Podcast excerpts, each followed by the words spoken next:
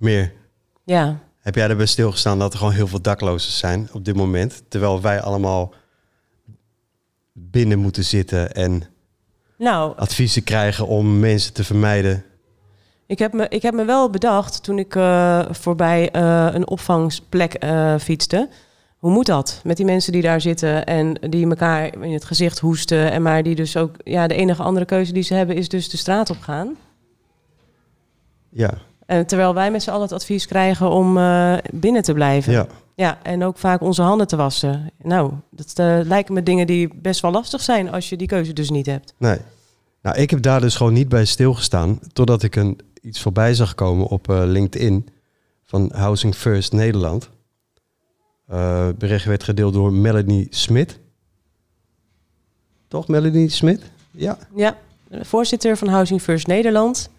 Zij maakt zich al hele lange tijd hard voor eh, het feit dat er nog steeds zoveel mensen dakloos zijn. Ehm, en eh, dat ehm, in principe iedereen ehm, gewoon onder, onder dak zou moeten kunnen, toch? ja. Ja. Ja, dat zou je wel denken. ja. En ik denk ook wel, ik ben ook erg benieuwd. Ehm, We gaan er even bellen. Ja. Goedemiddag, met Melanie Smit. goedemiddag met Mirjam Timmer Arend spreek je van Wij zijn net. Hey, hi. Hi. En, en Hallo. En met Nicky. Ah, oké. Hallo allebei. Hi. Hey, wij lazen net jouw bericht op eh, LinkedIn over Ja. eh, hoe lastig het is voor de minstens 40.000 daklozen om eh, binnen te blijven. En om regelmatig hun handen te wassen en sociale afstand te houden. En meer van dat soort adviezen die nu rondgaan. Ja, en jij zegt daarin, laat dat maar eens op je inwerken. Ja, wat, wat merk jij? en eigenlijk meer nog dan dat, hè. Ja, Dus dan heb je het nog over binnenblijven en handen wassen. Eh, waar het maar eigenlijk in basis vooral om te doen is, is het feit dat eh, dit dus heel erg uitlicht hoe het is om geen thuis te hebben. Ja, en, en dat raakte mij dus ook in dat, in dat bericht. Ja, Hoe heel veel mensen het eh, als vervelend ervaren dat je de deur niet uit kunt. En hoe andersom het is als je geen huis hebt en dus Precies. überhaupt niet eens binnen kunt blijven. ja precies. En ook hoe ehm, natuurlijk nu heel erg veel aandacht uitgaat vanuit overheid, vanuit publiek ook, naar kwetsbare groepen, Ja. dus risicogroepen. En dan denkt toch iedereen aan mensen die oud zijn en ook mensen die ziek zijn. Ja. Maar we denken dan eigenlijk toch maar weinig aan mensen die dakloos zijn. Ja, eerlijk. Terwijl die eigenlijk aan de basis al ontbreekt om je veilig te kunnen weten en ehm, gezond te kunnen blijven. Want dakloos zijn is per definitie een aanslag hè, op je gezondheid. Sowieso, ja. En ook, ehm, en je moet je voorstellen dat over het algemeen is de opvang in Nederland zo geregeld dat je daar alleen in de nacht kan verblijven. En ehm, dat het ook nog eens zo is dat je met heel veel mensen samen zit in een ruimte. Dus eigenlijk al die eh, richtlijnen die je krijgt, je deelt ook douches om nog eens aan te vullen. En eh, om dus die richtlijnen te volgen in die zin is al moeilijk. Overdag ga je in principe de straat weer op. en ehm, er is dus heel weinig uitzicht op een woning. En eigenlijk maakt deze crisis nu heel erg zichtbaar eh, hoe het dus is voor, voor 40.000, en, en dat is op zijn minst, hè, want het zijn er misschien nog meer, hoe het dus is als je niet eh, de deur achter je dicht kan trekken en kan denken, ik blijf thuis.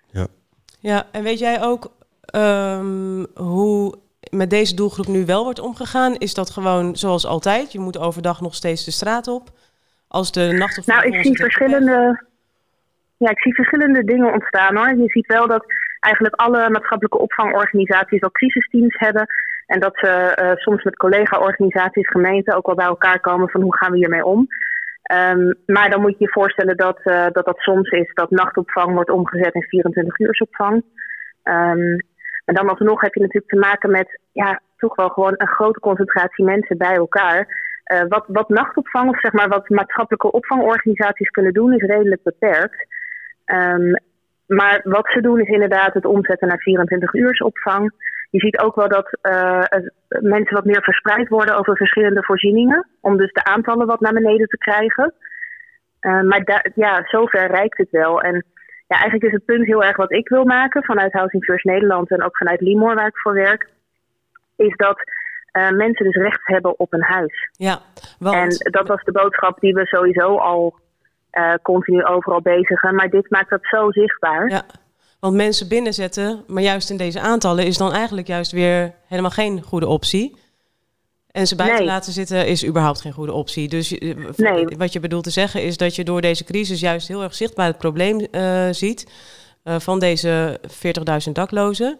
En daarmee bedoel je dus ja, ehm, het opvangen van deze mensen kan qua aantallen misschien nog, maar daarmee maken we juist besmettingen onder deze groep, toch al kwetsbare groep, alleen maar groter, dat risico. Ja, bovenop het feit dus dat mensen door uh, dakloosheid sowieso al minder weerbaar zijn. Of hun weerbaarheid lager is, waardoor uh, mensen misschien zelfs al vatbaarder zijn voor ziekte. En toch ook in, met z'n allen in, in uh, kleine, kleine ruimtes zitten. Ja. Dus het risico op besmetting is ook groot. Maar weet je, wat ik, wat ik net ook al zei, voor mij gaat het er vooral om om echt ja, voelbaar te maken van alles begint met een eigen woning. En dingen die nu voor ons, al, al alle Nederlanders die uh, gewoon een adres hebben, uh, zo simpel en zo vanzelfsprekend lijken. En ook echt een keuze zijn. Hè, van, want je ziet natuurlijk, uh, mensen gaan gewoon wel het terras op en noem maar op. En, maar er zijn ook gewoon een goed aantal mensen die wel thuis blijven. Het feit dat je die keuze hebt. Ja. We hebben dus gewoon 40.000 mensen in Nederland die die keuze niet kunnen maken. Ja. Die totaal afhankelijk zijn van wat wij voor ze organiseren. En overgeleverd zijn aan het feit of ze ziek gaan worden of niet. Ja, ja, bizar. Ik moet heel eerlijk zeggen, ik, ik heb in deze weken gewoon niet één keer, en dat vind ik eigenlijk best wel erg, hierover nagedacht. Hè? dat je de keuze hebt is een rijkdom. Ik heb er gewoon niet over nagedacht. Ja. Ik vind dat, daarom raakte dit stuk mij ook zo. Het was gewoon een beetje confronterend, omdat er zijn gewoon mensen op straat die niks hebben. Of tenminste geen onderdak hebben. En wij, hè, ons wordt verteld, blijf binnen. Terwijl, eh, ja, er zijn mensen die kunnen niet eens binnen blijven. Nee. Nee, en, er zijn, en we hadden best al wel problemen hè, met opvang. En er is natuurlijk een wooncrisis in Nederland, dus eigenlijk de, de opvang pelt uit. En we hebben dus al een probleem om überhaupt die basisvoorziening van nachtopvang goed voor mensen te organiseren. Er waren al mensen die buiten sliepen omdat er wachtlijsten waren voor een nachtopvang. Uh, wat toch echt wel de allerlaatste strohalm is als je dakloos raakt om nog ergens te kunnen slapen. De meeste mensen doen het überhaupt liever niet, want het is toch een vrij ellendige plek. Maar het is wel het enige uh, wat er dan nog is. Zelfs daar struggelden we al mee om, om te zorgen dat we dat geregeld hadden. En nu komt deze crisis er bovenop. En um, ja, is het dus ook nog eens gewoon bijzonder. Uh, ja, buiten dat het ook niet zo menswaardig was, uh, nachtopvang, is het nu helemaal bar en boos. En dat maakt zo zichtbaar dat we gewoon echt voor deze groep hun recht op huisvesting moeten gaan verwezenlijken. En dat de staat daarin hun plicht echt verzuimt. Ja. Ja, en jij zegt ook, en uh, dat herken ik ook, in tijden van crisis ontstaat er ook nieuwe solidariteit. Uh, ja. En dus op het moment dat deze boodschap meer de wereld in gaat en uh, mensen meer gaan beseffen wat de waarde dus is van het hebben van een eigen onderkomen, een eigen huis, daar zit ook een soort van oproep in. Um, ja. Om solidair te zijn met elkaar. En zeker met degene die dus die, die dat huis niet hebben en die keuze dus ook niet kunnen maken. Wat zouden mensen nog meer kunnen doen? Ik zelf kan ik me niet voorstellen wat ik als particulier of als individu kan doen. Maar misschien als ik binnen een organisatie of een, een instelling werk uh, die nog niet betrokken is dan hè, bij Housing First Nederland. Um, zijn er mensen uh, waarvan jij denkt, nou weet je, als die nu zouden kunnen opstaan of een steentje zouden kunnen bijdragen, is, hoe zou dat er dan uitzien? Nou, weet je, dat vind ik altijd een hele lastige. Omdat, um, wat mij betreft, zit het echt in een grotere systeemverandering. Dus het is heel lastig om van individuele mensen in de maatschappij daarin iets te vragen. Want je komt toch al vaak op kleine dingen die uiteindelijk geen echte verandering uh, brengen. En ik hoop vooral zo dat dit die grote verandering die nodig is in kaart brengt.